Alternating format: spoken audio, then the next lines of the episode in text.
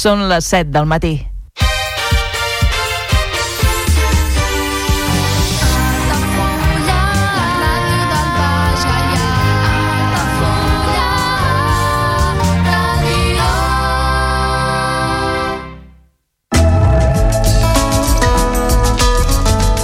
L'agenda Altafulla Ràdio.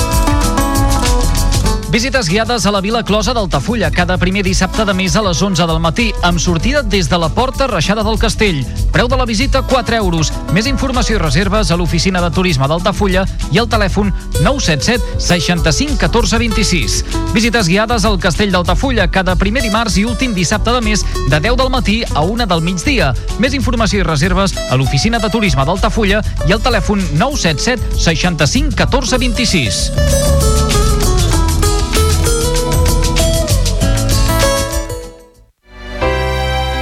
Comunions 2024. Dates ja disponibles amb sales privades, jardí, pàrquing privat i la millor gastronomia. Més informació i reserves al 977 65 11 55 i a comercial arroba altafullamarotel.com o al web altafullamarotel.com. Les teves celebracions familiars a l'Altafulla Mar Hotel. Ja coneixes les propostes que t'ofereix el Club Marítim Altafulla? Vine i descobreix totes les nostres activitats. Sortides en caiac o pa del surf, cursos de vela per a totes les edats. No t'ho perdis. Club Marítim Altafulla. Obert tot l'any i per a tothom. Carrer Major, el programa de les emissores del Camp de Tarragona. Cada dia de 4 a 6 de la tarda, el que passa al Camp de Tarragona t'ho expliquem amb la major redacció d'un programa de territori quilòmetre zero. Periodisme de proximitat, continguts de qualitat, amb Anna Plaza i Toni Mateos. Carrer Major. En cas d'accident químic, practica l'efecte bombolla. Quan hi hagi un accident que pugui afectar la població, sonaran les sirenes i rebràs un missatge al mòbil. Per la teva seguretat, caldrà que et confinis immediatament. A casa, a l'edifici més proper o a l'escola. Tanca les portes i les finestres, abaixa les persianes i apaga els sistemes de climatització. L'efecte bombolla et protegirà. Generalitat de Catalunya. Sempre endavant. Al meu país la pluja no sap ploure. El canvi climàtic asseca els rius, posa en risc l'abastament d'aigua i la producció d'aliments. Treballem per fer front a la sequera i garantir l'aigua, però cal l'esforç de tothom. Cada gota compte. La pluja no la controles, l'aixeta sí.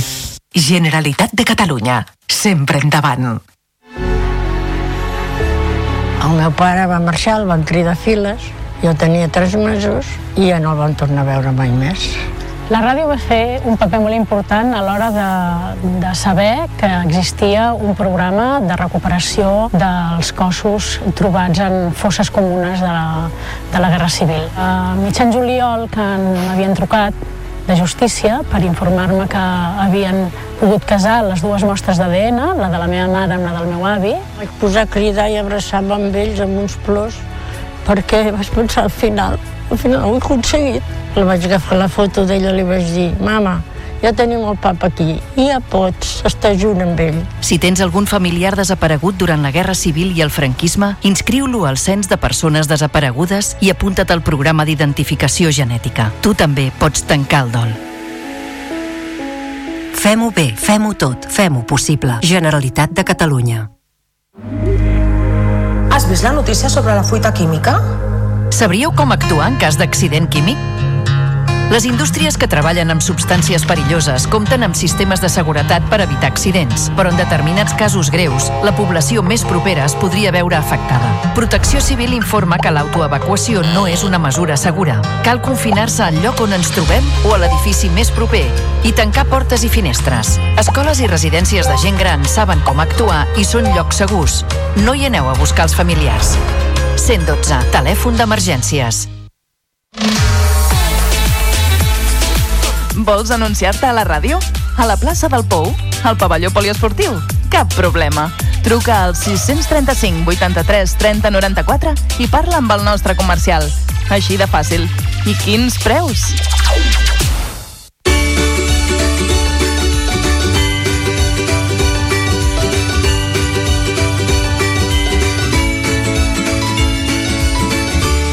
Altafulla Ràdio. Bones festes!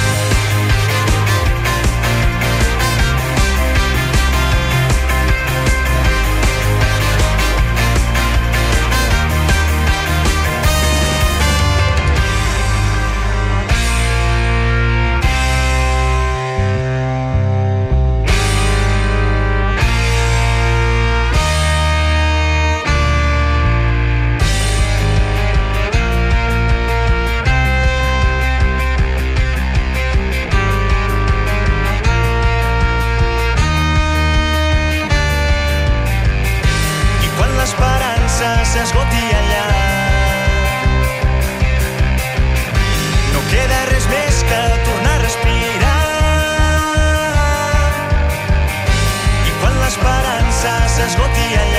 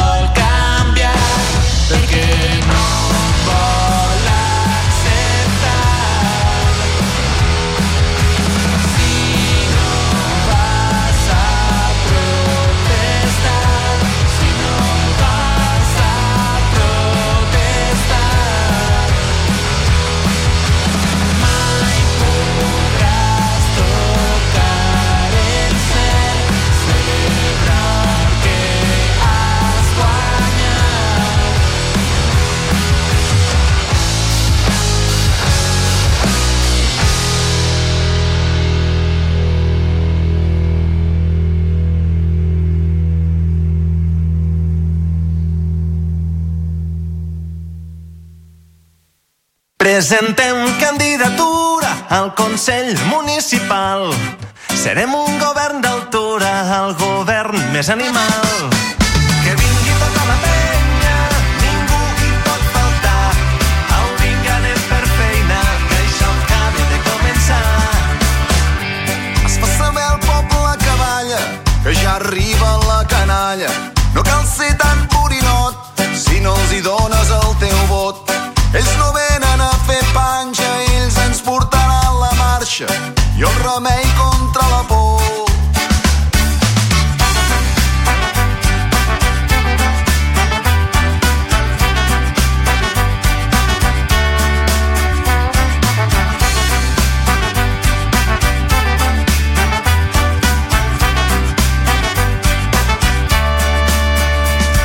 dels plens, sorpreses per si tu vens, barreja pels assistents i un brindis per la cultura. I és més, repartirem tots els diners perquè arribar a finals de mes no sigui sempre una tortura. Presentem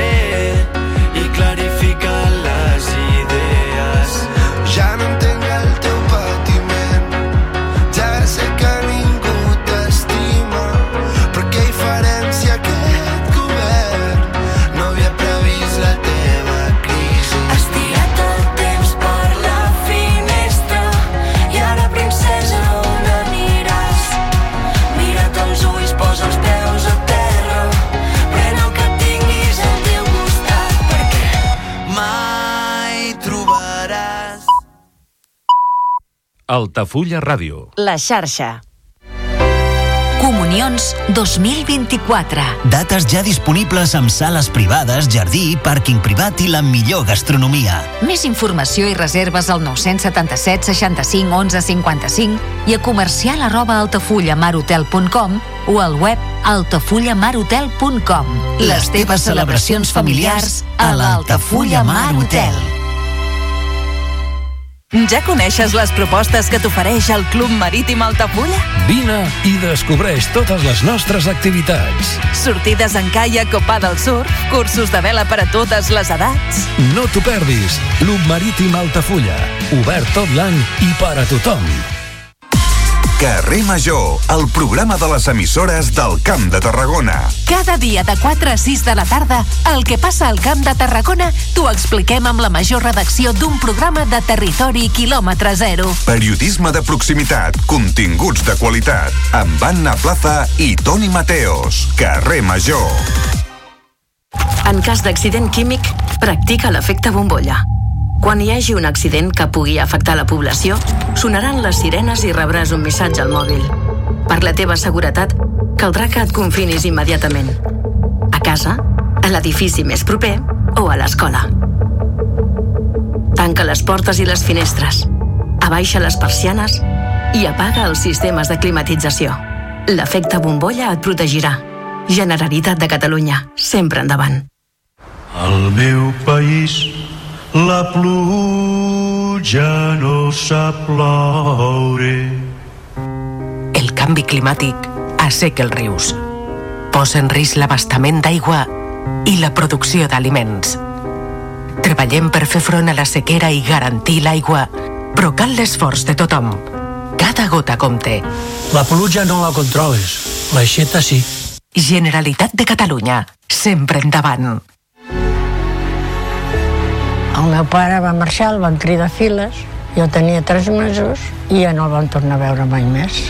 La ràdio va fer un paper molt important a l'hora de, de saber que existia un programa de recuperació dels cossos trobats en fosses comunes de la, de la Guerra Civil. A mitjan juliol, que m'havien trucat de justícia per informar-me que havien pogut casar les dues mostres d'ADN, la de la meva mare amb la del meu avi. Vaig posar a cridar i abraçar-me amb ells amb uns plors perquè vaig pensar al final, al final ho he aconseguit. La vaig agafar la foto d'ella i li vaig dir, mama, ja tenim el papa aquí, i ja pots estar junt amb ell. Si tens algun familiar desaparegut durant la Guerra Civil i el franquisme, inscriu-lo al Cens de Persones Desaparegudes i apunta't al programa d'identificació genètica. Tu també pots tancar el dol. Fem-ho bé, fem-ho tot, fem-ho possible. Generalitat de Catalunya. Has vist la notícia sobre la fruita química? Sabríeu com actuar en cas d'accident químic? Les indústries que treballen amb substàncies perilloses compten amb sistemes de seguretat per evitar accidents, però en determinats casos greus, la població més propera es podria veure afectada. Protecció Civil informa que l'autoevacuació no és una mesura segura. Cal confinar-se al lloc on ens trobem o a l'edifici més proper i tancar portes i finestres. Escoles i residències de gent gran saben com actuar i són llocs segurs. No hi aneu a buscar els familiars. 112. Telèfon d'emergències. Vols anunciar-te a la ràdio? A la plaça del Pou? Al pavelló poliesportiu? Cap problema. Truca al 635 83 30 94 i parla amb el nostre comercial. Així de fàcil. I quins preus?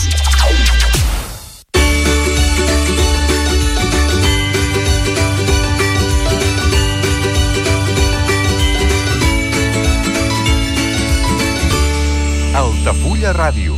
Bones festes.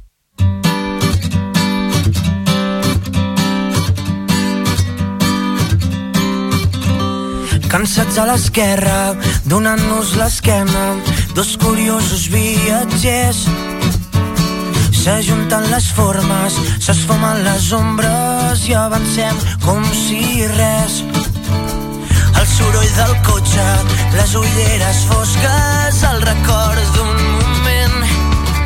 Quan a la carretera somiàvem alegres en recórrer el continent.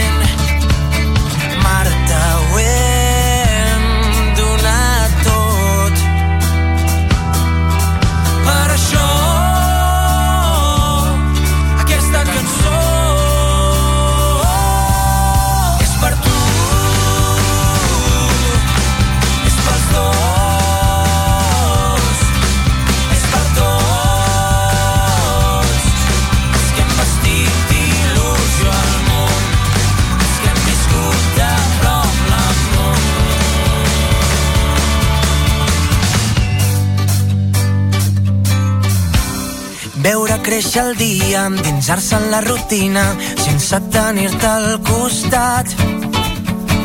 Escoltar uns coristes que imiten els registres del que era el nostre cant. Ballant mig a la cuina, anar-se'n a la ruïna per viatjar pel món. Escriure poesia, celebrar tots els dies que marca la tradició.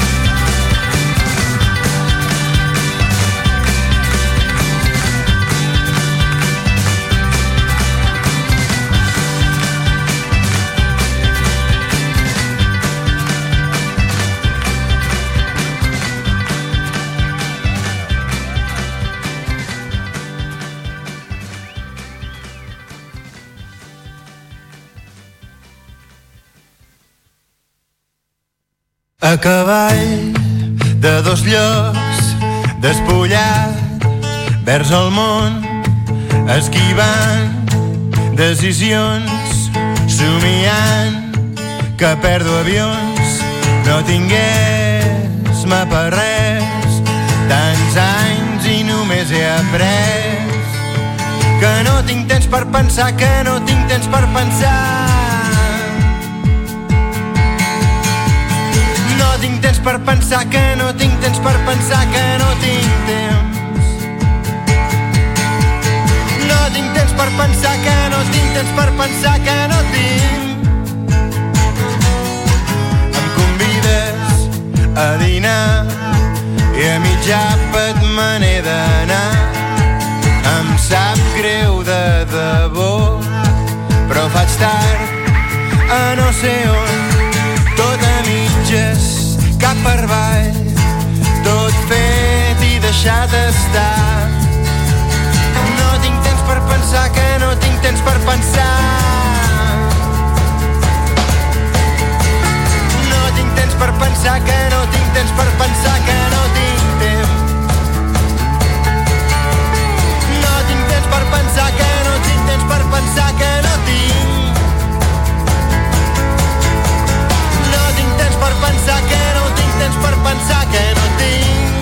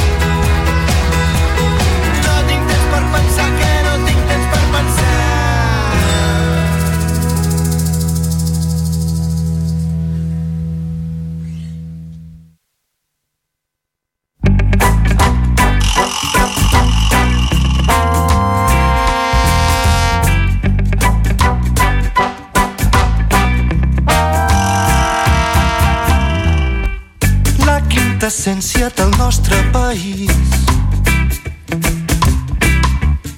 És encabida en el seu quadern gris. Un sufragi pompós i molt precís.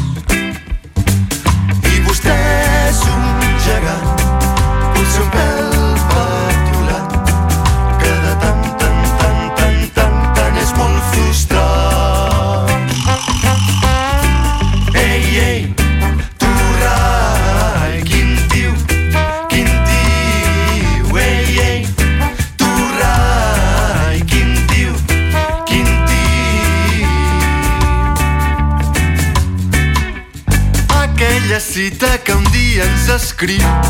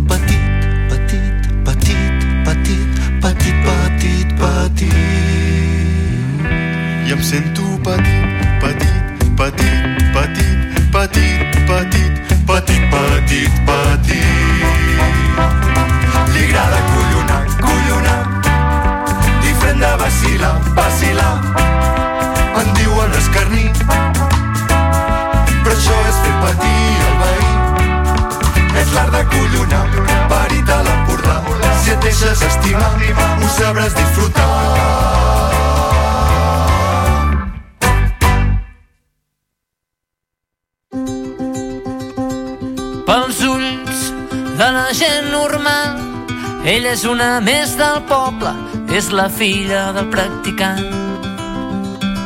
I avui a la plaça és nit de festa i entre multitud i gresca ens saludem mentre brindem. Parlem amb un gest i una mirada mentre es pentina de passada no cal res més, ja ens entenem. I l'últim ball no serà fins que canti el gall, fins que caigui aquesta lluna tant de temps està esperant. L'últim ball no serà fins que canti el gall, però set fins al replà, que tu ja te n'has d'anar. Pel gran jo m'entretinc amb teva pell mentre el forner sacs de farina, mitja rialla, es va. I les monges, ja despertes de matinada, encara mig endormiscades, no en reconeixen les cares. Surt el sol i mentre posen al carrer, tu fas un petó de bon dia o de bona nit, jo ja no ho sé. Sort que ja hi som, tu rai que ja has arribat, a mi em queda un camí prou llarg per recordar el que ha passat. I l'últim ball no serà fins que canti el gall, fins que caigui aquesta lluna de temps esperant. L'últim ball fins que canti fins al replà, que tu ja te n'has d'anar.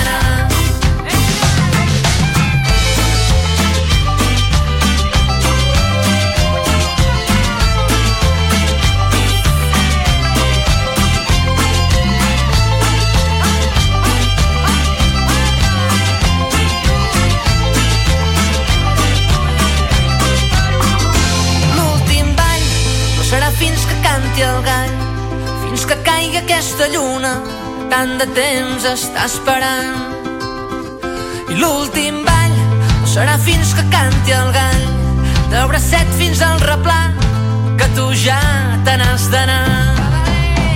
I l'últim ball serà fins que canti el gall, fins que caigui aquesta lluna, que tant de temps està esperant. Canti el gall, de bracet fins al replà, que tu ja te n'has d'anar.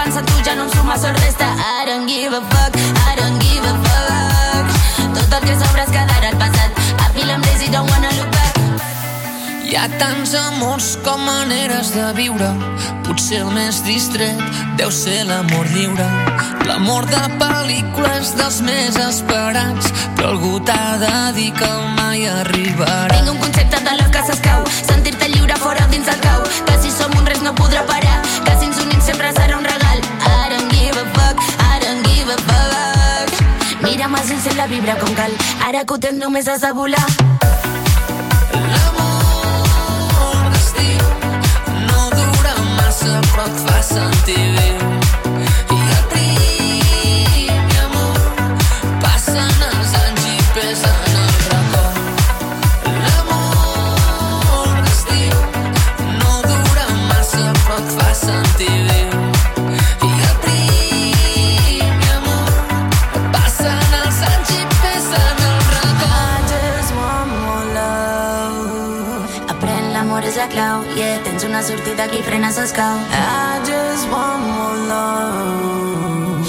vis camina endavant i yeah, fes que aquestes notes superin el mal. Sempre hi ha una cosa allà on la vols si poses, sempre hi ha un moment on tornar-te a cantar la millor cançó de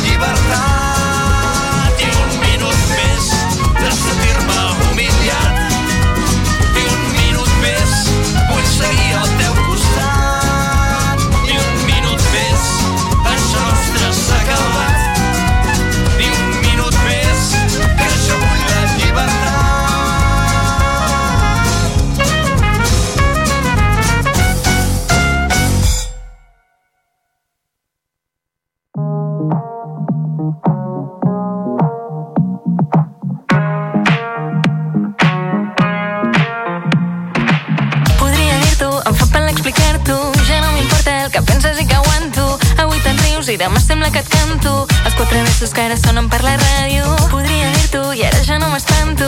Sembla que el temps ha posat allò que els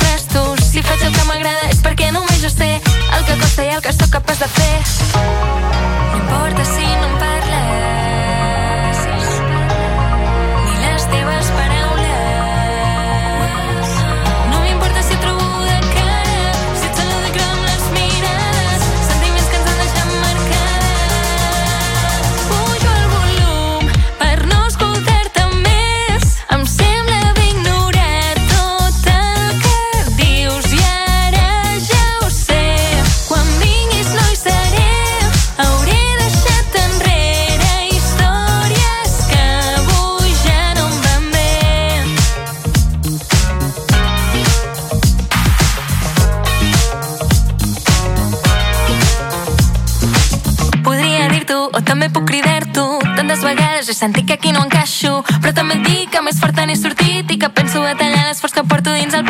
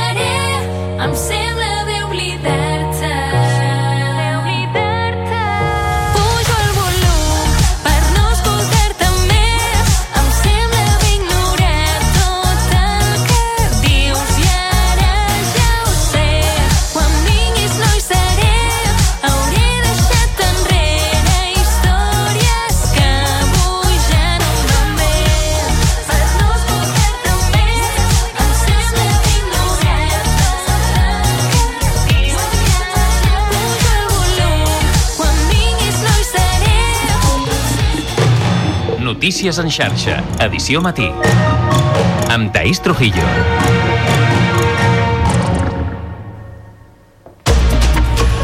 Dia. Catalunya és a punt de tancar l'any abocada a la sequera més extrema registrada fins ara.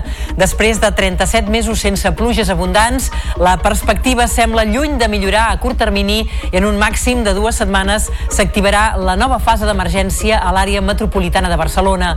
Un escenari que durà noves restriccions i que deixa oberta la porta a l'arribada de vaixells carregats d'aigua abans de l'estiu. Per tot plegat, l'Agència Catalana de l'Aigua demana més consciència ciutadana, sobretot a les zones més poblades, davant d'una problemàtica que ja fa mesos que condiciona amb escreix sectors com l'agricultura. Així encapçalem el Notícies en xarxa d'aquest divendres 29 de desembre, tot i que al punt de les 7 del matí repassem altres titulars de la jornada. Mossos d'Esquadra i policies locals ultimen els dispositius especials de cara a les rebelles de cap d'any d'aquest diumenge. Es multiplicaran els controls d'alcoholèmia i drogues a carreteres i via pública per garantir la seguretat. Una de les concentracions més massives es preveu a la zona de Maria Cristina de Barcelona, on s'han previst filtres de control per evitar ampolles i armes blanques. El govern espanyol ha traspassat ja les competències de la B40 a la Generalitat. Aquest decret desencalla el bloqueig al conveni de la Ronda Nord i valida un compromís entre el PSC i Esquerra pel suport als pressupostos. Un de cada quatre joves de 12 i 13 anys reconeix haver fumat alguna vegada un cigarret electrònic. Així ho alerta un estudi pilot impulsat pel Pla Nacional de Drogues que també constata que prop d'un 35% de menors d'aquesta franja d'edat ha consumit alcohol com a mínim un cop a la vida. Dels esports us expliquem que el Barça tornarà avui a la feina després de l'aturada nadalenca amb la novetat de Vitor Roque. Ahir ho va fer el Girona, que estrenarà l'any dimecres davant l'Atlètic de Madrid. La novetat va ser el retorn de Yagel Herrera, mentre que Estuani i Savinho han allargat les vacances fins avui. Aquest aquest matí l'equip farà un entrenament de portes obertes. Passen ara mateix dos minuts i mig de les 8 del matí. Volem saber com se circula aquesta hora per la xarxa viària catalana. Connectem amb el Servei Català de Trànsit i amb la Sílvia de l'Amo. Molt bon dia, Sílvia. Hola, molt bon dia. Doncs hem de parlar en aquests moments eh, que la P7 s'està retirant un vehicle que s'ha accidentat aquesta matinada en sentit Ulldecona, aquest va- camió eh, en concret ha cremat, un carril tallat i no hi ha més que un mig quilòmetre de lentitud en aquest punt. Apareixen retencions a la zona de Nautaran cap a Baqueira Baret i en el cas de la 2 entre Belllloc d'Urgell i Soses hi ha boira densa i per això cal circular amb molta cautela. De moment això és tot. Molt bon dia.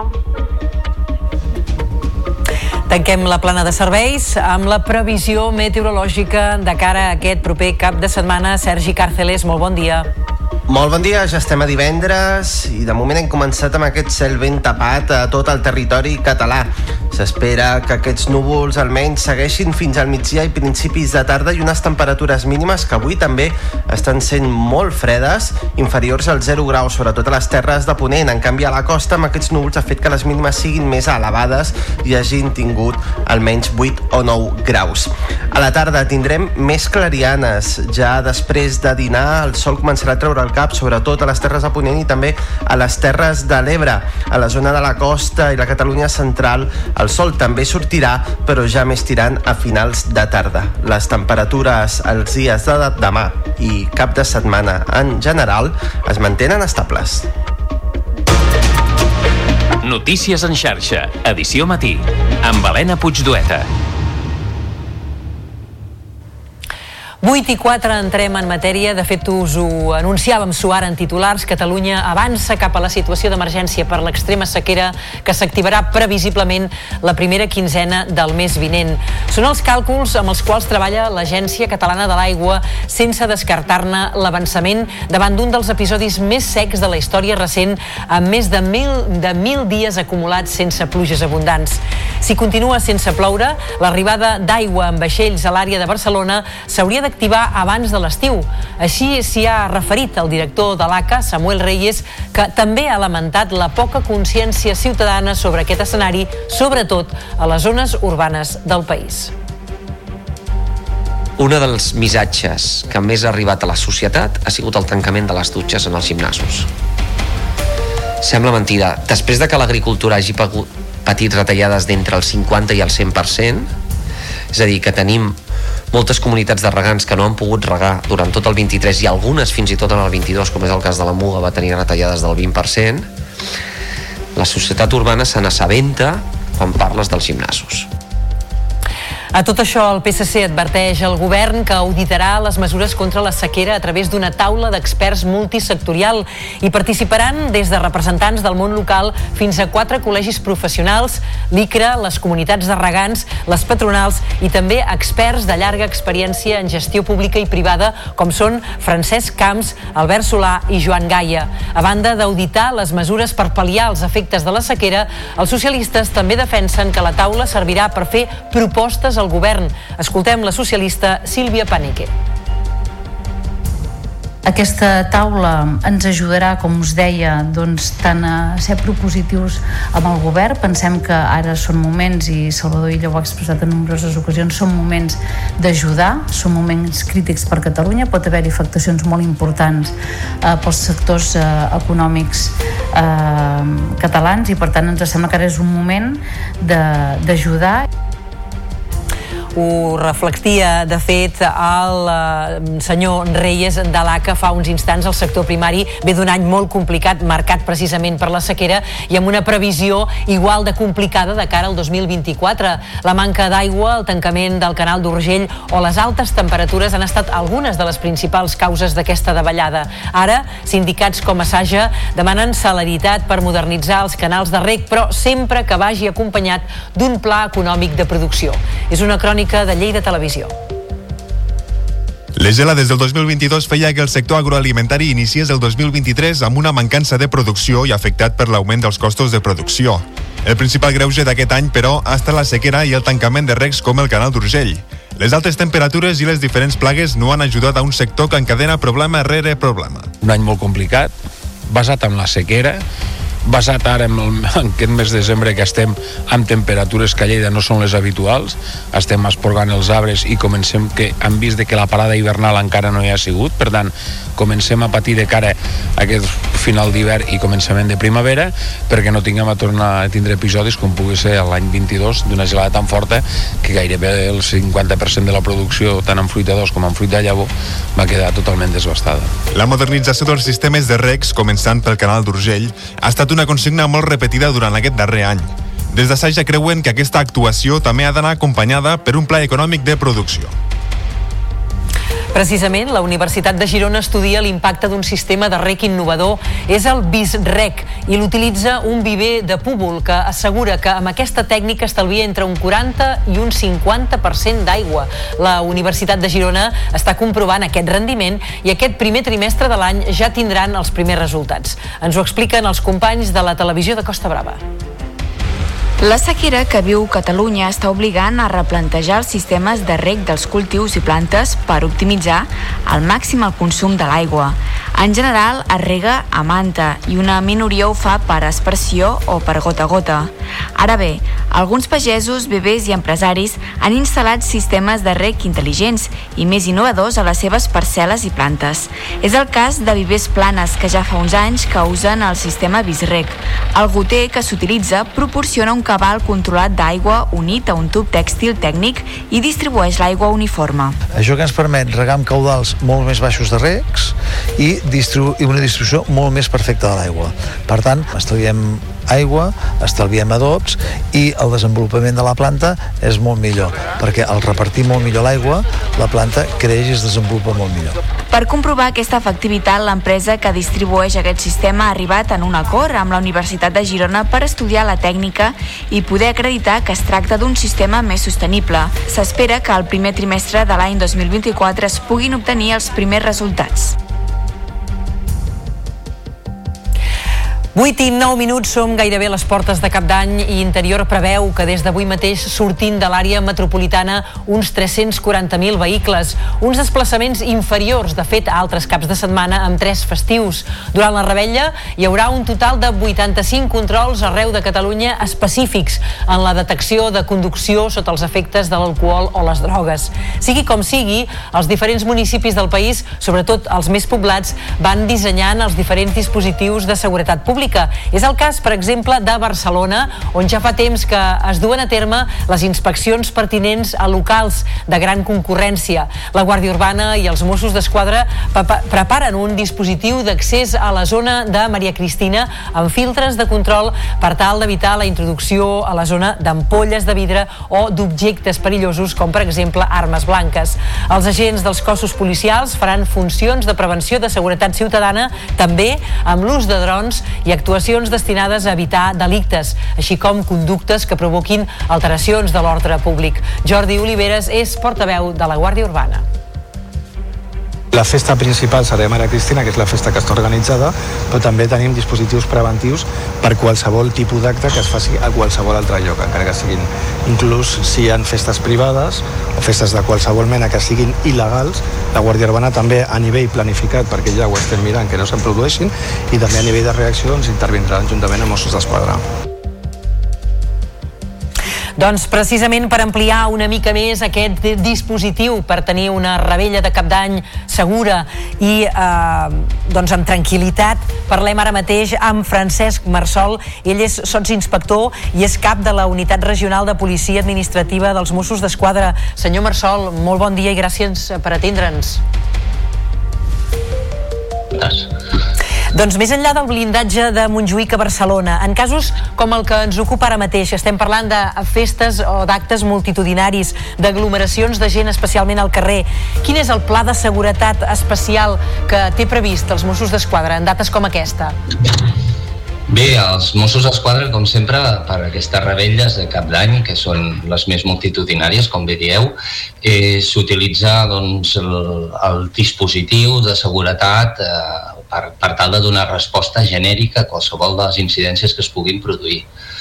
A dintre del nostre àmbit, el que, el que tractem com a policia administrativa doncs és el, el pla d'acció de, de rebelles segures, que anomenem, i que des de les unitats regionals de policia administrativa, que estem arreu del territori, ens encarreguem d'analitzar i, i avaluar aquestes festes que es porten a, arreu del país per tal d'intentar aconseguir espais d'oci mm, segurs, és a dir, tenir tot el que és el, eh, en aplicació el marc normatiu i per tal de, de garantir la seguretat de, de tots els assistents.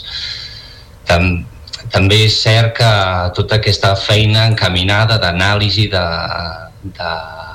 d'inspecció d'aquests espais els fem amb, amb col·laboració amb els organitzadors de, dels esdeveniments, amb els ajuntaments i amb tota la resta d'actors que, que hi estan implicats, cossos de seguretat i, i altres tècnics municipals per tal d'intentar de, de manera preventiva garantir que tots aquests eh, llocs on anem a passar la rebella de cap d'any eh, siguin el més segur possible intentant doncs, anar al nostre fet idíl·lic que és buscar el risc zero malgrat és una data que, que no es pot arribar a complir mai. Evidentment. Senyor Marsol, avui, demà i diumenge, encara dies previs a aquestes rebelles, des dels Mossos d'Esquadra, des de la seva unitat regional, hi ha previstes inspeccions de locals i espais de llocs on es faran festes? És a dir, esteu en marxa encara amb aquests operatius eh, per, per garantir aquestes inspeccions?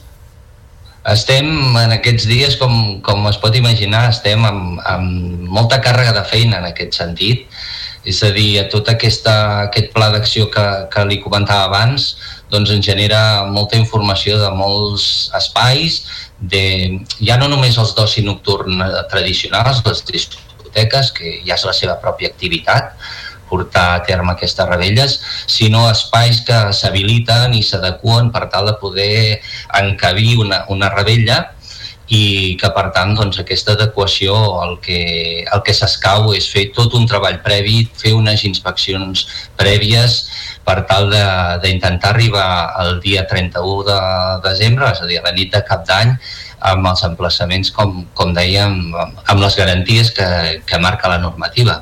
Uh, una de les grans preocupacions de les patronals de l'oci nocturn era precisament, i sobretot durant l'època Covid i posterior, eh, totes aquestes festes a vegades que es convocaven de manera il·legal i que per tant a vegades no garantien del tot la seguretat. Ara es parla, ahir ens ho explicava de fet eh, el president de, de, la, de la FECACERM eh, que potser el que es porta més avui en dia és convocar la festa a través de la xarxa social sense especificar el lloc en concret on es farà aquesta festa fins a última hora precisament per evitar, per esquivar una mica aquesta activitat policial. No sé si eh, aquestes alçades ens pot dir si tenen detectades ja alguna d'aquestes festes il·legals, si en, si en sap la numeració, si, si me'n pot dir o me, me les pot quantificar, i una mica què fan a partir que detecten aquesta festa que d'alguna manera és il·legal o que no compleix tots els requisits que hauria de complir per eh, una mica garantir la integritat de les persones que hi vagin a parar, no? Uh, val, no, no li puc donar la dada, no, no disposo d'aquesta dada a nivell de la nostra regió, que, que és la metropolitana nord, amb seu a Granollers, doncs estem treballant, i estem treballant amb emplaçaments que ja sabem que habitualment es realitzen tipus d'aquest tipus de festa. És cert que les xarxes socials eh, es mobilitzen eh, festes d'aquest tipus. També és cert doncs, que en, en la mesura del possible les anem monitoritzant i que per tant se'n fa un seguiment. I una mica com li deia abans fem dos tipus d'acció. Una és la preventiva és a dir, detectar aquesta festa primer comprovada que realment es porta a terme i també comprovar que a vegades ens han d'entendre que, que ens arriba molta informació de moltes festes. Hi ha festes que anomenem il·legals però que en veritat són festes que encara no han estat autoritzades però que sí que estan en període de, de la sol·licitud de la corresponent habilitació per portar-se a terme. Però un cop descartades aquestes també és veritat que n'hi ha festes que no tenen en cap cas la intenció d'ajustar-se al que ens marca la normativa i que bàsicament el que més ens preocupa és la seguretat dels assistents.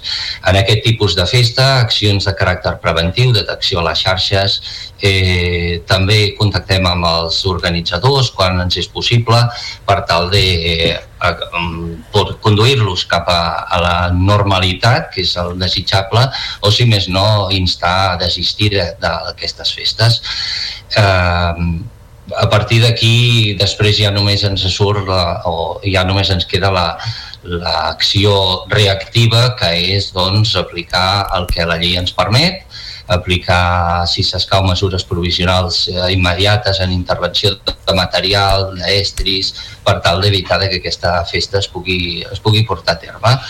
I sense perjudici de que ja la normativa doncs, sanciona aquest tipus d'acció com, com, a, com a faltes molt greus i que és, oscil·len entre els 10.001 euros i els 100.000 euros per, per organitzar festes d'aquest tipus.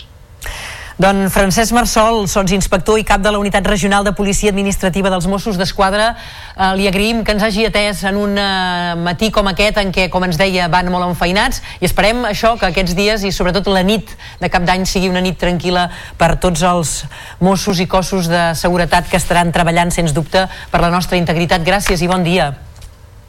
Moltes gràcies a vostès i que tinguem tots una bona rebella. Igualment, gràcies, bon any. Un dispositiu, per tant, conjunt dels Mossos d'Esquadra, de la Policia Nacional i la Policia Portuguesa, i per tant no deixem aquest àmbit, han permès desarticular una banda criminal que van segrestar un empresari a Portugal que va aparèixer emmordassat a un arbre a Collbató, al Baix Llobregat. A més, també van intentar segrestar a una altra dona a Portugal. És una crònica del David Benito. Tres homes encaputxats van segrestar un home de 81 anys a Portugal el passat agost de 2023 i el van portar fins a Collbató, al Baix Llobregat, on el van lligar a un arbre d'una zona boscosa. Els segrestadors van recórrer 1.200 quilòmetres, on van aprofitar per robar-li més de 100.000 euros dels seus comptes bancaris amb múltiples transferències i retirades d'efectiu. Uns segrestadors joves i molt violents. Rafael Montes és cap de la DIC de la regió metropolitana sud dels Mossos d'Esquadra. un grup operatiu eh, composat per tres persones d'origen brasileny, totes elles de molt joves, de 24 a 25 anys. El, el que feia una mica de líder tenia 24 anys. Són gent jove, extremadament violenta. Els segrestadors van voler repetir l'operació amb una altra dona empresària de Portugal, però un canvi en el seu trajecte habitual va impedir el segrest i només es van emportar el seu vehicle. Una operació conjunta de Mossos, Policia Nacional i Policia Portuguesa va permetre la detenció de fins a 9 persones implicades en el segrest i el blanqueig de capital després de fer registres en més de 7 domicilis a Màlaga, Alacant, Múrcia i Marbella.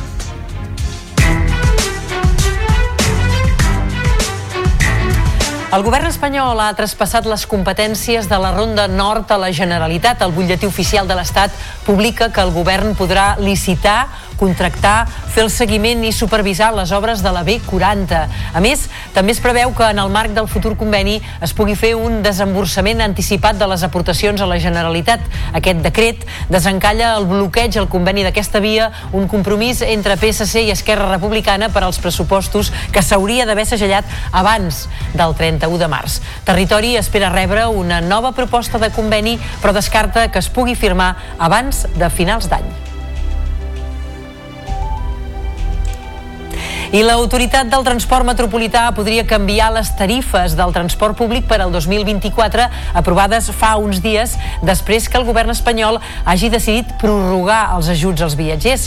L'ENS reunirà el seu Consell d'Administració aquest migdia per decidir finalment si modifica els preus i pactar també si les noves tarifes entren en vigor el dia 1 de gener o una mica més tard. El 19 de desembre, recordem-ho, l'ATM ja va aprovar una pujada del 6,75% a les tarifes del transport públic per fer front a l'augment de costos i ja va mostrar el seu compromís de mantenir, això sí, el 20% de descompte que aplica a la T usual i a la T jove.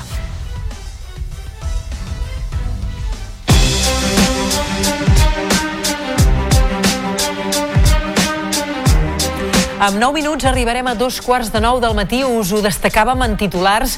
Un de cada quatre joves de 12 i 13 anys reconeix haver fumat en alguna ocasió un cigarret electrònic. Així ho constata un estudi pilot impulsat pel Pla Nacional de Drogues que també constata que prop d'un 35% de menors d'aquesta franja d'edat ha consumit alcohol com a mínim un cop. Segons l'informe, els joves de primer i segon d'ESO obtenen l'alcohol majoritàriament de botigues de barri, cases d'altres companys o de casa seva. El consum de tabac convencional és més baix entre els joves i està més estès, això sí, entre les noies. El grup d'edat de 14 a 18 anys multiplica per 5 els resultats i un 21% ha fumat tabac en l'últim mes. Doncs parlant d'edats en edat escolar, de joves en edat escolar, la consellera d'Educació, Anna Simó, ha demanat a la ministra Pilar Alegria recursos per desplegar la llei d'FP per a l'escola inclusiva per a l'alumnat vulnerable i per lluitar contra l'abandonament escolar. Ha estat la primera reunió entre totes dues titulars del RAM després dels mals resultats de l'informe PISA a Catalunya. La consellera ha traslladat també la necessitat de fer plans de suport a secundària per millorar les competències en matemàtiques i llengües recursos per la legislació orgànica i de Reial Decret Estatal, que després no n'hi ha. Formació professional, inclusiva, lluitar contra l'abandonament, suport a l'alumnat més vulnerable i mm, a grans trets aquesta qüestió i llavors qüestions que hem parlat de, de docents.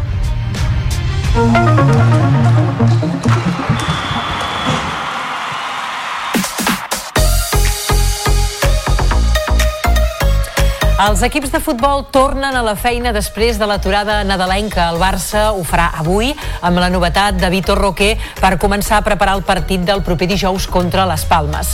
Ahir ho va fer el Girona, que estrenarà l'any dimecres a Montilivi davant l'Atlètic de Madrid. La novetat va ser el retorn de Yanguel Herrera, mentre que Estuani i Savinho, amb permís del club, han allargat les vacances fins avui. Aquest matí, l'equip, co-líder de primera, farà un entrenament de portes obertes. En bàsquet, sense temps de refer-se de la derrota contra l'Unicaja a l'ACB, el Barça jugarà aquesta nit a Mònaco en partit d'Eurolliga. En plena dinàmica irregular, amb sis derrotes en els darrers nou partits, l'equip blaugrana buscarà un triomf per revertir la situació. En competició europea, els de Grimau es mantenen en segona posició gràcies a les remuntades en els darrers dos partits contra els Alguiris i l'Istanbul. Després del partit d'avui, el calendari s'apreta amb els duels contra el Real Madrid, el Bascònia i l'Olimpiakos a principis de gener. Avui hi ha duel català a la Lliga ACB. S'enfronten el nou Congost, el Baxi Manresa i el Joventut a partir de dos quarts de nou del vespre amb les opcions de classificar-se per a la Copa en joc. El tècnic dels vegencs, Pedro Martínez, treu pressió a la plantilla, mentre que el jugador verd i negre, Guillem Vives, avisa del perill dels manresans. No hi ha partits més importants que altres, tots són importants, tots tenim que intentar fer les coses el millor possible, competir i aprofitar les oportunitats que, que ens dongui el partit per, per jugar bé, per lluitar, per rebotejar, per passar-nos bé la pilota, per no cometre errors. Ens costarà molt i serà un partit de... està molt concentrat eh, perquè ells et castiguen tots els errors van molt ràpid, no paren. A la mínima que et despistes doncs ja t'havien atacat i els equips del Pedro i sota allà és de concentració 40 minuts A la Lliga Femenina aquest vespre també hi ha duel català. A partir de dos quarts de nou, Cadí la Seu i Espar Girona s'enfrontaran en el duel corresponent a la catorzena jornada. Les urgellenques buscaran un triomf per mantenir les opcions de jugar a la Copa, mentre que per a l'Uni serà el debut de Roberto Íñiguez a la banqueta. Bueno, que sea un derbi no me preocupa y lo que más tengo en la cabeza es que lo que hemos hablado en estas tres sesiones, lo que hemos podido hacer, que empecemos a hacer cosas ¿no? y, ver detalles. Y en eso creo que tenemos que estar un poco más centradas que en, el foco en Cádiz. ¿no? Es verdad que hemos hablado de algún detalle, que hay detalles que queremos cuidar, pero si no hacemos lo nuestro, esos detalles no valen de nada. I en waterpolo femení, Espanya va endur-se el trofeu Ciutat de Barcelona després de vèncer ahir Hongria per 7 a 5 en el partit disputat a les instal·lacions de l'Atlètic Barceloneta. En un duel molt igualat, un gran parcial de les locals, el segon quart va acabar marcant la diferència. Martina Terré, amb 11, atura des de... també va ser una de les claus eh, del triomf del conjunt de Miki Oka. El partit ha estat un bon banc de proves de cara a l'europeu dels Països Baixos que comença la setmana que ve a Eindhoven.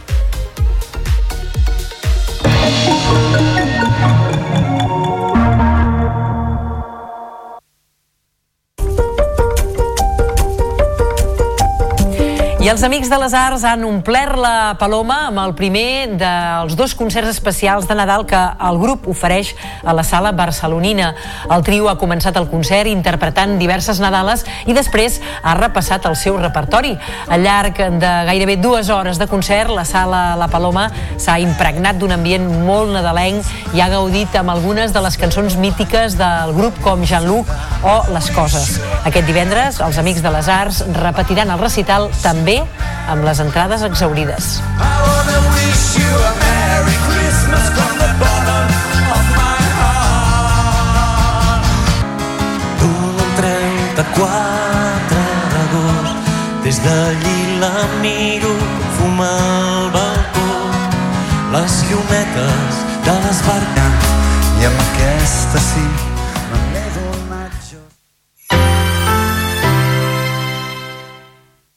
La xarxa de comunicació local. Aquest any m'apuntaré al gimnàs i potser hi aniré tot. I jo perfeccionaré el meu anglès. Però si no en saps. Per això... I jo aprendré a cuinar. Vull dir que aprendré a escalfar el microones als tàpers de la mama. El bon propòsit més fàcil de complir és compartir la grossa de cap d'any. El 31 de desembre guanya fins a 200.000 euros i molts premis més. Loteries de Catalunya és la nostra. Jugar amb responsabilitat és guanyar, i només si ets major d'edat. S'ha de fer el que dius tu, ja està. Per festes ens uneixen dues tradicions. Un bon pollastre i anar al teatre. El teatre ens uneix. Entra a triateatre.cat i regala emocions.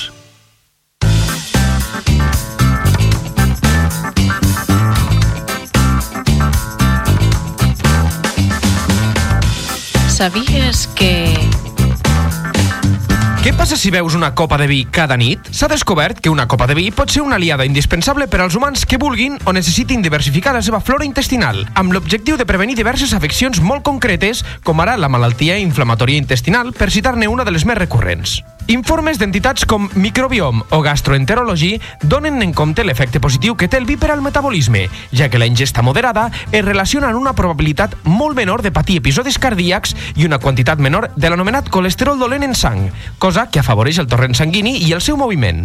Però què passa si bec massa vi? Un dels primers símptomes de beure més vi del que recomana és la depressió. Així com les quantitats mínimes ingerides s'associen amb un estat de més plenitud, creuar perillosament la barrera d'una copa al dia representa un risc tant físic com mental.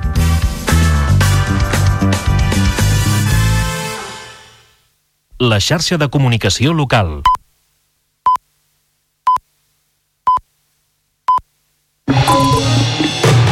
Notícies en xarxa, edició matí. Amb Helena Puigdueta.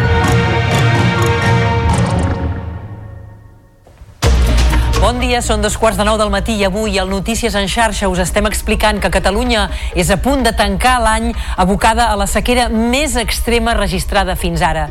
Després de 37 mesos sense pluges abundants, la perspectiva semblant, sembla lluny de millorar a curt termini i en un màxim de dues setmanes s'activarà la nova fase d'emergència a l'àrea metropolitana de Barcelona.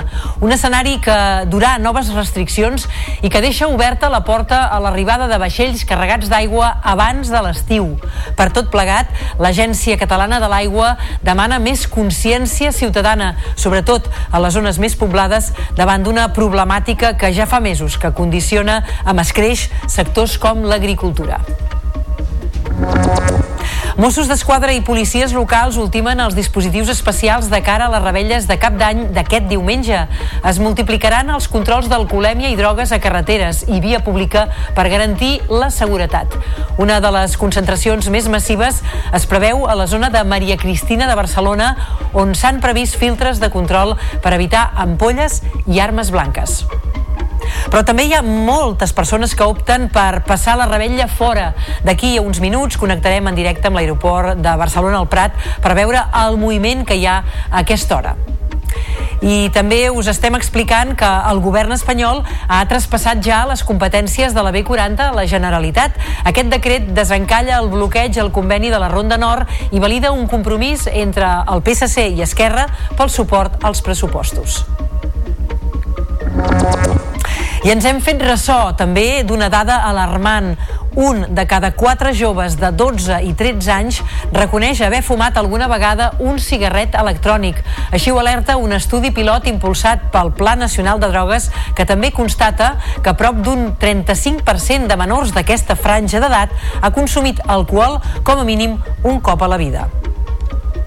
Dels esports us destaquem que el Barça tornarà avui a la feina després de l'aturada nadalenca amb la novetat de Vitor Roque. Ahir ho va fer el Girona, que estrenarà l'any dimecres davant l'Atlètic de Madrid. La novetat va ser el retorn de Yangel Herrera, mentre que Estuani i Savinho han allargat les vacances fins avui. Aquest matí l'equip farà un entrenament de portes obertes. Notícies en xarxa, edició matí. Gairebé 3 minuts els que passen ara mateix de dos quarts de nou del matí. Us ho destacàvem en titulars. Catalunya avança cap a la situació d'emergència per l'extrema sequera que s'activarà previsiblement la primera quinzena del mes vinent. Són els càlculs amb els quals treballa l'Agència Catalana de l'Aigua sense descartar-ne l'avançament davant d'un dels episodis més secs de la història recent amb més de 1.000 dies acumulats sense pluges abundants. Si continua sense ploure, l'arribada d'aigua amb vaixells a l'àrea de Barcelona s'hauria d'activar abans de l'estiu. Així s'hi ha referit el director de l'ACA, Samuel Reyes, que també ha lamentat la poca consciència ciutadana sobre aquest escenari, sobretot a les zones urbanes del país. Un dels missatges que més ha arribat a la societat ha sigut el tancament de les dutxes en els gimnasos. Sembla mentida. Després de que l'agricultura hagi patit retallades d'entre el 50 i el 100%, és a dir, que tenim moltes comunitats de regants que no han pogut regar durant tot el 23 i algunes fins i tot en el 22, com és el cas de la Muga, va tenir retallades del 20%, la societat urbana se n'assabenta quan parles dels gimnasos. I és que el que sentíem, eh, el sector primari ve d'un any molt complicat, marcat precisament per la sequera i amb una previsió igual de complicada de cara al 2024. La manca d'aigua, el tancament del canal d'Urgell o les altes temperatures han estat algunes de les principals causes d'aquesta davallada. Ara, sindicats com Assaja demanen celeritat per modernitzar els canals de rec, però sempre que vagi acompanyat d'un pla econòmic de producció. És una crònica de Lleida Televisió. Les gelades del 2022 feia que el sector agroalimentari iniciés el 2023 amb una mancança de producció i afectat per l'augment dels costos de producció. El principal greuge d'aquest any, però, ha estat la sequera i el tancament de recs com el canal d'Urgell. Les altes temperatures i les diferents plagues no han ajudat a un sector que encadena problema rere problema. Un any molt complicat, basat en la sequera basat ara en, el, en aquest mes de desembre que estem amb temperatures que a Lleida no són les habituals, estem esporgant els arbres i comencem que han vist de que la parada hivernal encara no hi ha sigut, per tant, comencem a patir de cara a aquest final d'hivern i començament de primavera perquè no tinguem a tornar a tindre episodis com pugui ser l'any 22 d'una gelada tan forta que gairebé el 50% de la producció tant en fruitadors com en fruit de llavor va quedar totalment desbastada. La modernització dels sistemes de recs, començant pel canal d'Urgell, ha estat una consigna molt repetida durant aquest darrer any. Des de ja creuen que aquesta actuació també ha d'anar acompanyada per un pla econòmic de producció. I no deixem aquest sector encara perquè Unió de Pagesos ha fet balanç de les accions que han emprès des del sindicat respecte a les energies renovables durant aquest 2023. Asseguren que Catalunya no es pot permetre perdre el terreny agrari necessari per assolir els objectius d'energia renovable marcats i volen que Plater, el Pla Territorial Sectorial per al desenvolupament d'energia renovable es faci consensuadament amb els diferents territoris. Ens ho explica la Mireia Jansà de Canal Reus. Unió de Pagesos tanca aquest 2023 fent un repàs de les accions portades a terme per tal de protegir el terreny agrari de l'arribada de renovables.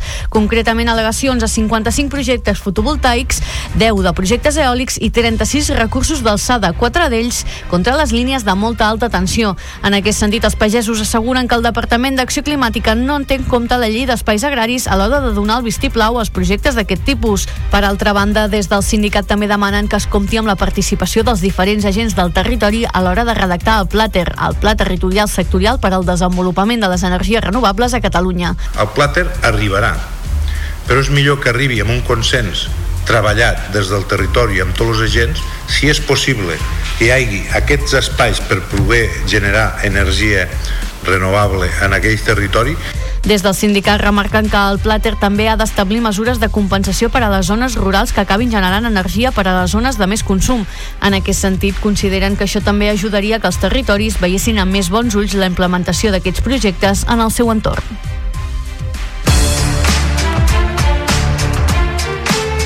Som gairebé a les portes de cap d'any i Interior preveu que des d'avui mateix sortin de l'àrea metropolitana uns 340.000 vehicles, uns desplaçaments inferiors, de fet, a altres caps de setmana amb tres festius.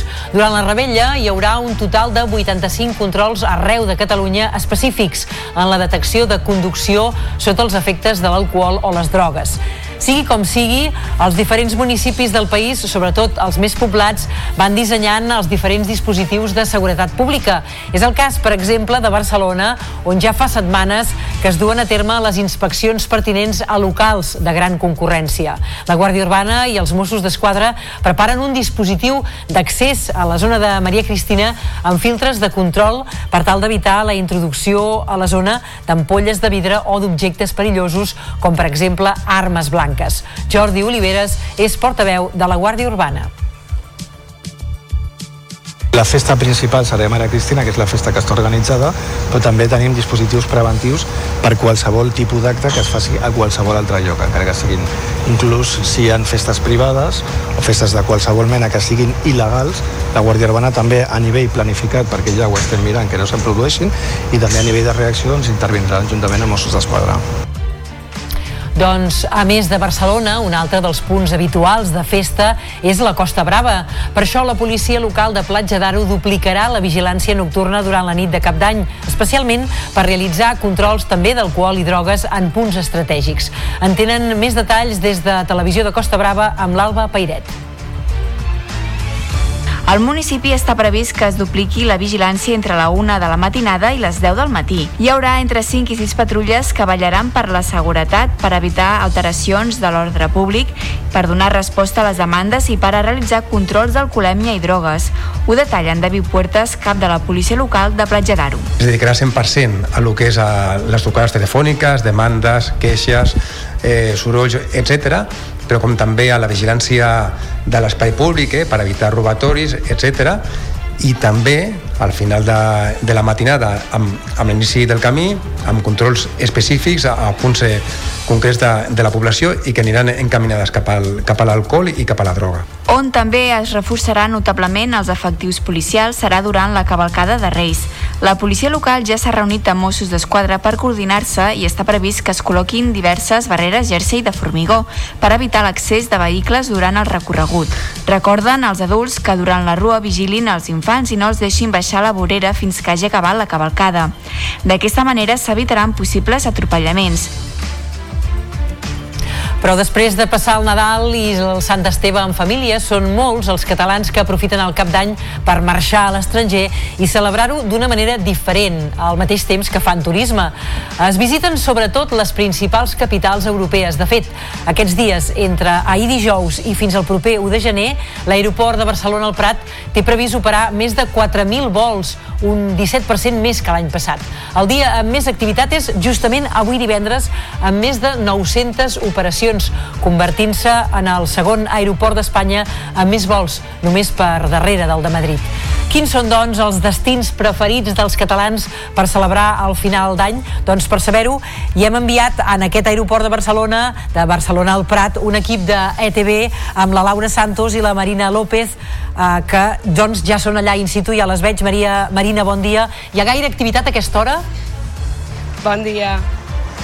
Mira, doncs per ser aviat al matí hi ha molta activitat. Uh, nosaltres això, som a la Terminal 1, a la zona de sortides, i el que hem pogut veure és que hi ha molt de moviment, sobretot a la zona de facturació i a la part de, de, on s'ensenya el passaport.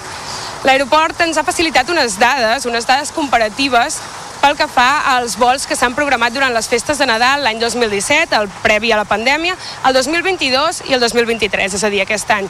I com bé comentaves, avui és un dels dies on més vols programats hi ha. Avui n'hi ha 906 concretament i aquesta és una dada que és comuna a la resta dels anys. Els dies amb més activitat són el divendres previ a les vacances de Nadal i també el divendres o dijous previ a la celebració de Cap d'Any.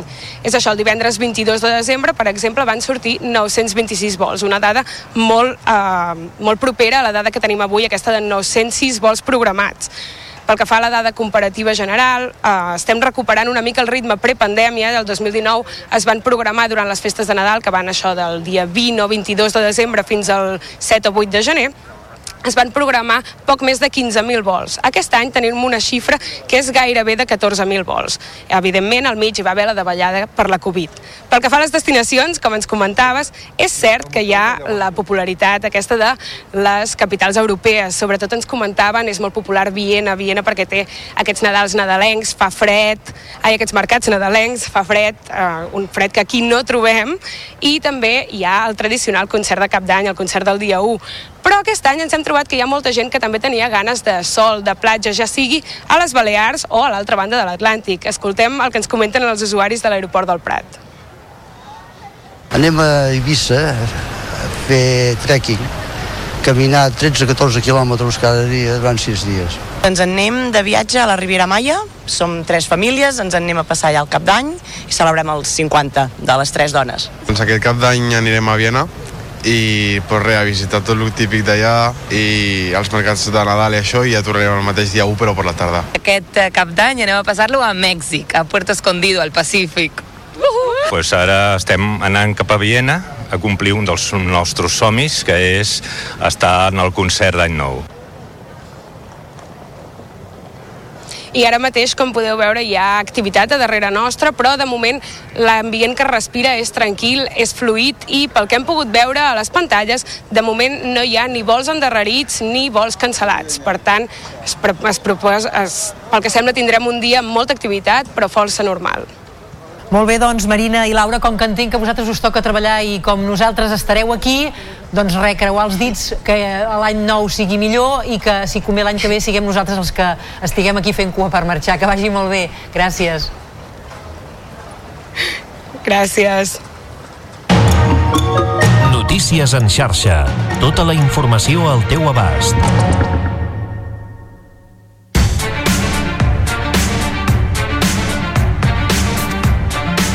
Doncs gairebé tres quarts de nou del matí el govern espanyol ha traspassat les competències de la Ronda Nord a la Generalitat.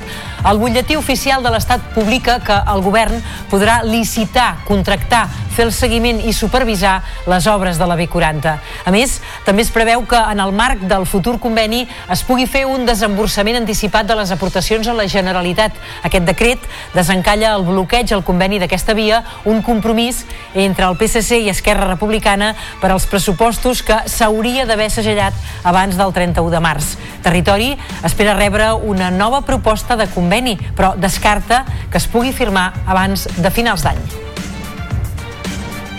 I l'autoritat del transport metropolità podria canviar les tarifes del transport públic per al 2024 aprovades fa uns dies després que el govern espanyol hagi decidit prorrogar els ajuts als viatgers. L'ENS reunirà el seu Consell d'Administració aquest mateix migdia per decidir si modifica els preus i pactar també si les noves tarifes entren en vigor el dia 1 de gener o una mica més tard. El 19 de desembre, recordem-ho, l'ATM ja va aprovar una pujada del 6,75% a les tarifes del transport públic per fer front a l'augment de costos i ja va mostrar el seu compromís de mantenir el 20% de descompte que aplica a la T usual i a la T jove.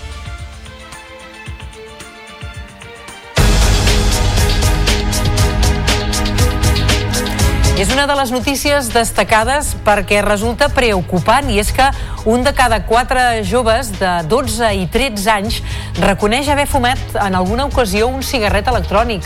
Així ho constata un estudi pilot impulsat pel Pla Nacional de Drogues que també constata que prop d'un 35% de menors d'aquesta franja d'edat ha consumit alcohol com a mínim una vegada.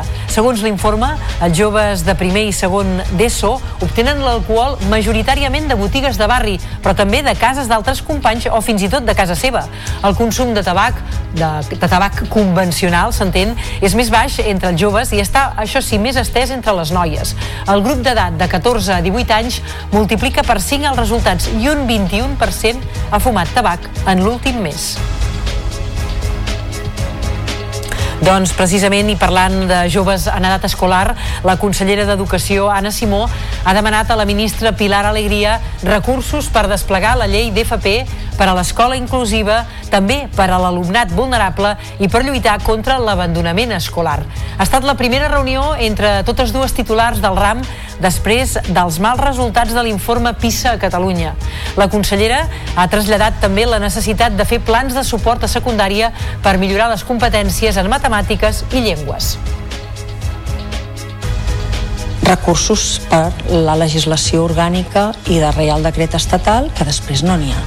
Formació professional, inclusiva, lluita contra l'abandonament, suport a l'alumnat més vulnerable, i mm, a grans trets aquesta qüestió i les qüestions que hem parlat de, de docents un govern espanyol, per cert, que reformarà el reglament d'estrangeria per simplificar tràmits i fer la transposició de dues normatives europees aprovades sota la presidència espanyola.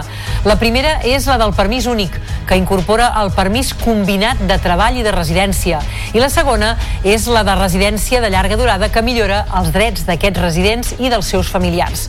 Aquesta reforma està prevista per al primer semestre del 2024. Ho ha anunciat la ministra d'Inclusió, Seguretat Social Social i Migracions, Elma Saiz, que ha presidit aquest dijous la conferència sectorial amb les comunitats.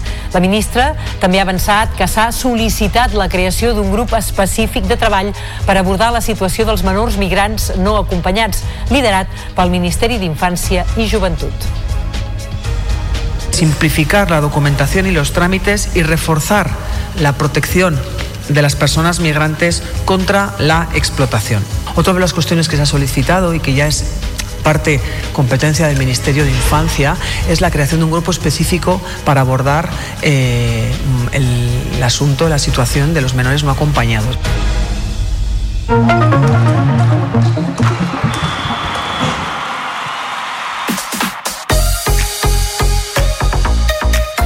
Els equips de futbol tornen a la feina després de l'aturada nadalenca. El Barça ho farà avui amb la novetat de Vitor Roque per començar a preparar el partit del proper dijous contra les Palmes. Ahir ho va fer el Girona, que estrenarà l'any dimecres a Montilivi davant l'Atlètic de Madrid. La novetat va ser el retorn de Yanguel Herrera, mentre que Estuani i Savinho, amb permís del club, han allargat les vacances fins avui. Aquest matí, l'equip, co-líder de primera, farà un entrenament de portes obertes. En bàsquet, sense temps per refer-se de la derrota contra l'Unicaja a l'ACB, el Barça jugarà aquesta nit a Mónaco en partit d'Eurolliga. En plena dinàmica irregular, amb sis derrotes en els darrers nou partits, l'equip blaugrana buscarà un triomf per revertir la situació. En competició europea, després del triomf de la Virtus de Bologna, aquesta jornada, els de Grimau són tercers i les últimes dues victòries les han aconseguit amb remuntades davant dels Alguiris i de l'Istanbul.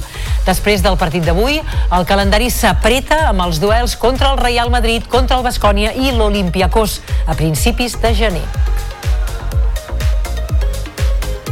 I avui hi ha duel català a la Lliga ACB. S'enfronten el nou Congost, el Baxi Manresa i el Joventut a partir de dos quarts de nou del vespre amb les opcions de classificar-se per a la Copa en joc. El tècnic dels vegencs, Pedro Martínez, treu pressió a la plantilla, mentre que el jugador verd i negre, Guillem Vives, avisa del perill dels manresans no hi ha partits més importants que altres, tots són importants, tots tenim que intentar fer les coses el millor possible, competir i aprofitar les oportunitats que, que ens dongui el partit per, per jugar bé, per lluitar, per rebotejar, per passar-nos bé la pilota, per no cometre errors. Ens costarà molt i serà un partit de... estar molt concentrat, de... perquè ells castiguen tots els errors, van molt ràpid, no paren, a la mínima que et despistes doncs ja t'havien atacat i els equips del Pedro i sota allà és de concentració 40 minuts el duel serà l'estrena de Josep Maria Herms com a president del bàsquet Manresa. En aquesta nova etapa, el club inicia una època de renovació amb l'ampliació de capital i la previsió d'ampliar el nou Congost. En l'àmbit esportiu, Herms es marca el repte d'assolir la classificació per a competició europea consolidar, diguéssim, uh, un equip eh, ACB amb aspiracions a Europa cada any, aquest seria un dels objectius, uh, tenir un pavelló i per tant unes infraestructures uh, de, primera, de primera línia I, i per últim, i no menys important, jo diria, potser, gairebé m'atreviria del més important, és, és eh, seguir mantenint l'esperit eh, de l'afició. I el bàsquet Girona es reforça amb l'arribada de l'escorta Braivi. El jugador de 27 anys es va posar ahir a les ordres de Salva Camps i podria debutar demà davant del Bascònia. Després de jugar a la Lliga Universitària Nord-Americana, ha passat per la Lliga de Macedònia, l'Adriàtica, la Polonesa i la Lituana. Braivi ocupa el lloc deixat per Markel Brown. I a la Lliga Femenina aquest vespre també hi ha duel català. A partir de dos quarts de nou, Cadí la Seu i Espar Girona s'enfrontaran en el duel corresponent a la 14a jornada. Les urgellenques buscaran un triomf per mantenir les opcions de jugar a la Copa, mentre que per a l'Uni serà el debut de Roberto Iñiguez a la banqueta. Bueno, que sea un término me preocupa y lo que más tengo en la cabeza es que lo que hemos hablado en estas tres sesiones, lo que hemos podido hacer, que empecemos a hacer cosas ¿no? y, y ver detalles. Y en eso creo que tenemos que estar un poco más centradas que en, en, en, el foco en Cádiz. ¿no? Es verdad que hemos hablado algún detalle, que hay detalles que queremos cuidar, pero si no hacemos lo nuestro, no, esos detalles no valen de nada. El Barça Sant Feliuenc ha incorporat a la base Paula Estebas fins al final d'aquesta temporada. La jugadora nascuda a Logroño i de 30 anys té molta experiència a la Lliga Femenina. Ja s'ha entrenat amb les noves companyes i Isaac Fernández podrà comptar amb ella demà al Palau contra el Saragossa. Pues una jugadora bastante intensa, ¿no? Me gusta mucho correr, me gusta mucho eh, jugar en transición, llegar, llegar jugando y nada, con mucha energía. Espero poder transmitir ¿no? a las jugadoras y al equipo esa energía positiva que tengo y, y, poder aportar todo, todo lo que pueda. I en waterpolo femení, Espanya va endur-se el trofeu Ciutat de Barcelona després de vèncer ahir Hongria per 7 a 5 en el partit disputat a les instal·lacions de l'Atlètic Barceloneta. En un duel molt igualat, un gran parcial de les locals al segon quart va acabar marcant la diferència. Martina Terré, amb 11 aturades, també va ser una de les claus del triomf del conjunt de Miki Oka.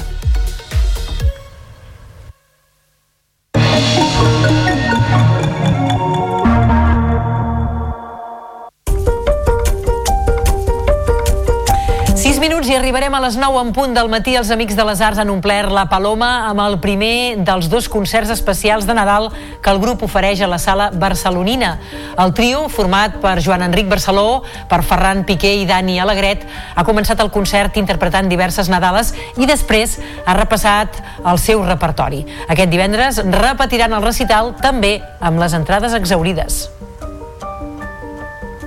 I si hi ha un clàssic per excel·lència de les festes són els pastorets. Aquest Nadal, els de Ripoll celebren els 125 anys des de la seva primera representació en català. Per això, la Comissió de Pastorets demana que se'ls concedeixi la Creu de Sant Jordi i recullen firmes els dies de les funcions.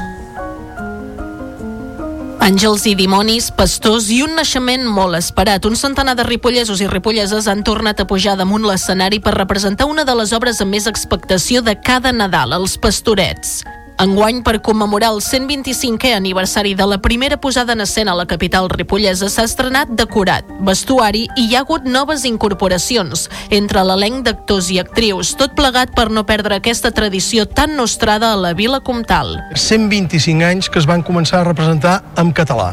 Som els segons pastorets en català més antics de Catalunya i ens sembla de que amb el moment actual doncs, que està passant la nostra llengua, entre l'aniversari i la situació actual, doncs, és el moment de reivindicar doncs, aquesta Creu de Sant Jordi, no per nosaltres, sinó per tota la gent que durant aquests 125 anys eh, han donat vida als pastorets de Ripoll i han fet de que només per la pandèmia i per els anys 70 es perdessin el, uns, uns 8 o 10 anys. Per tant, creiem que és un moment idoni per, per poder fer aquesta, aquesta petició. L'última representació d'aquest Nadal serà el pròxim dia 2 de gener a les 6 de la tarda al Teatre Comtal. I de les arts escèniques passem a la pintura i l'escultura per explicar-vos que el Teatre Museu Dalí de Figueres farà una jornada de portes obertes per tothom el proper 6 de gener, dia de Reis. L'elecció d'aquesta data com a jornada de portes obertes té una connexió directa amb l'artista Salvador Dalí, que ja havia triat aquesta data per oferir gratuïtament l'accés al seu museu. Si esteu interessats, però, heu de reservar les entrades a través del lloc web del museu.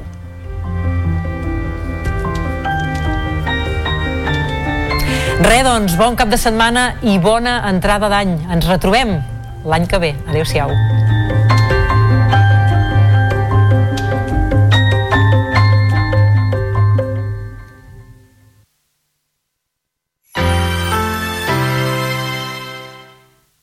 La xarxa de comunicació local.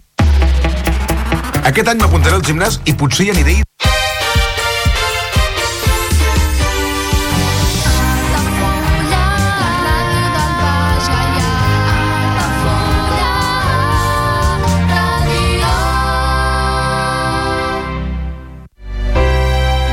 Comunions 2024.